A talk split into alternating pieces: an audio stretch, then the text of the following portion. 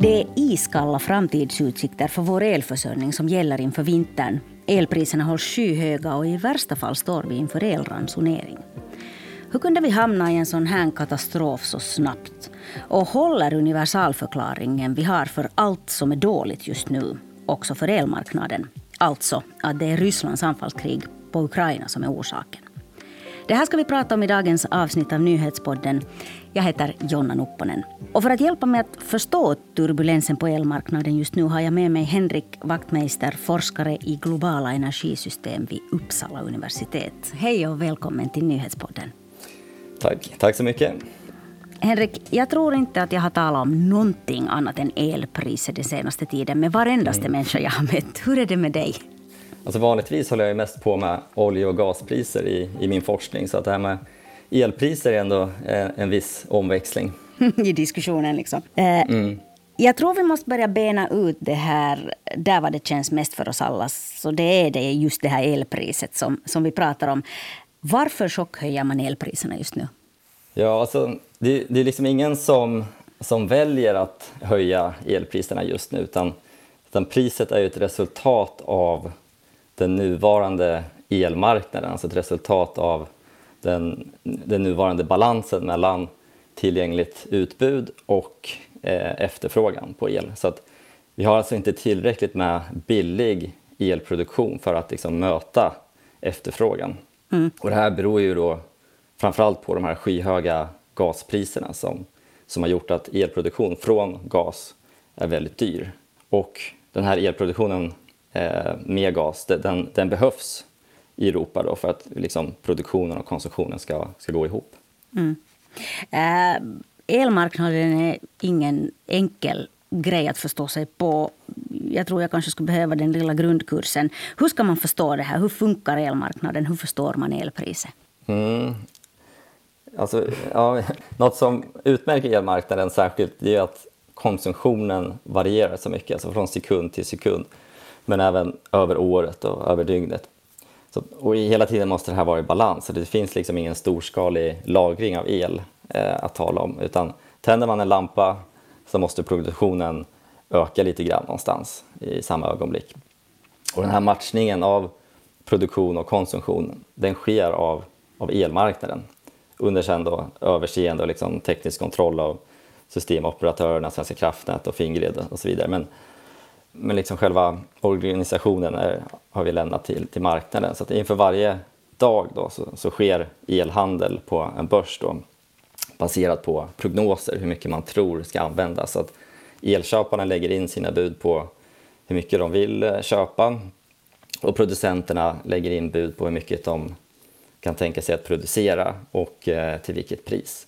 Och sen läggs allt det här samman och man ser liksom var balans var balansen inträffar, var prisjämvikt inträffar. Och priset blir då samma då som den dyraste, det dyraste produktionsbudet som då krävdes för att täcka hela användningen. Mm. Och ofta är ju det här sista dyra produktionsbudet en, eh, fossilkraft, och dyr gaskraft i det här fallet. Men har man till exempel en, en blåsig dag med mycket vind, och då behövs kanske inte den här sista dyra fossila kraften för att täcka efterfrågan. Och då sätts priset av något billigare produktionsbud och elpriset då för all produktion blir, blir lägre. Eh, energimarknadens människor, de som elproducenterna, säger att kostnaderna har ökat. Och det då beror ganska mycket på att vi inte längre får billig el från Ryssland.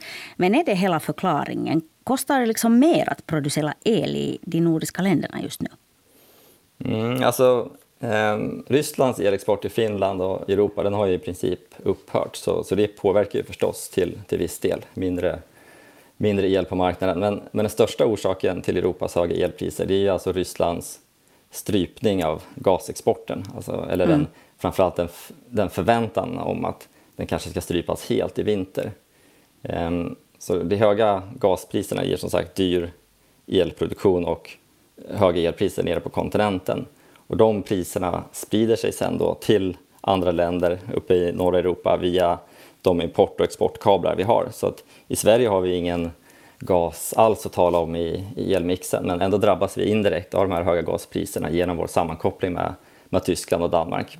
Mm. Um, så att produktionskostnader för, den största delen av vad ska man säga, nordisk el, alltså vattenkraft, kärnkraft och vindkraft, den har ju inte gått upp eller har, har inte påverkats av gas eller oljepriserna. Men när vi sitter ihop då med kontinenten så säljs då den här billiga nordiska elen till samma höga pris som den tyska gaselen. Mm. Nu lovade jag ju där i början att vi ska berätta om den här universalförklaringen håller eller inte. Det vill säga hur mycket av den här turbulensen går att förklara direkt med kriget i Ukraina och hur mycket beror på andra saker. Kanske energimarknaden inte fungerar så väl innan heller? Eller?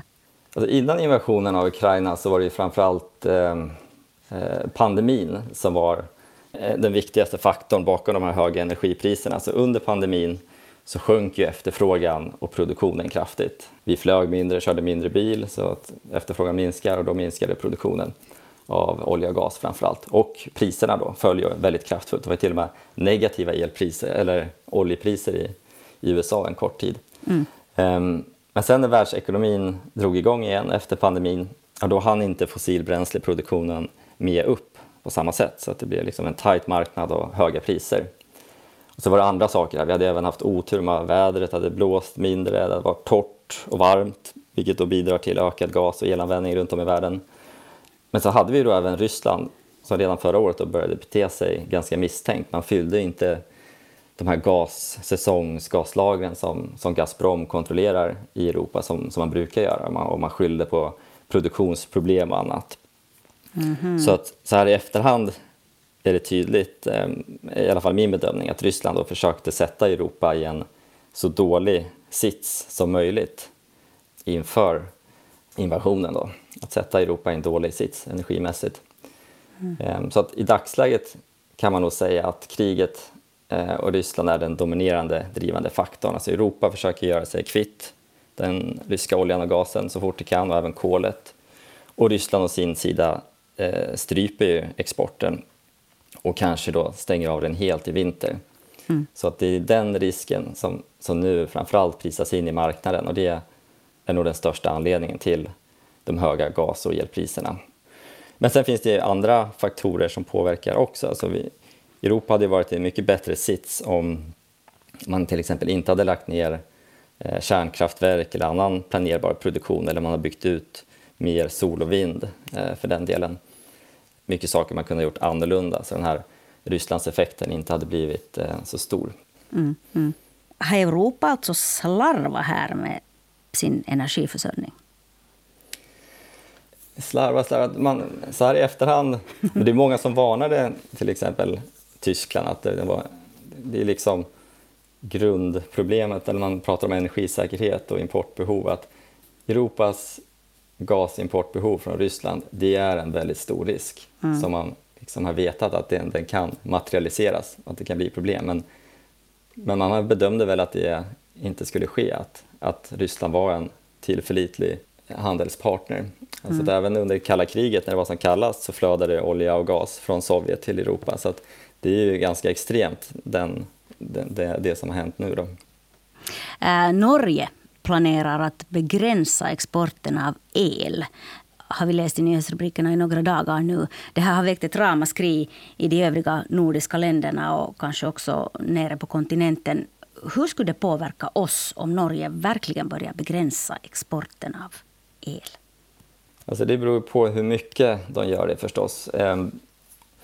Alltså vad jag förstår det förslaget som har kommit så är det liksom kopplat till, till hur vattenmagasinnivåerna i vattenkraften ser ut. Och de är ju tyvärr nu på historiskt väldigt låga nivåer vilket då driver upp elpriserna. Och, och Norge motiverar då sin exportminskning med elsystemets eh, stabilitet och försörjningstrygghet snarare än att det är ett sätt att bara minska sina egna priser.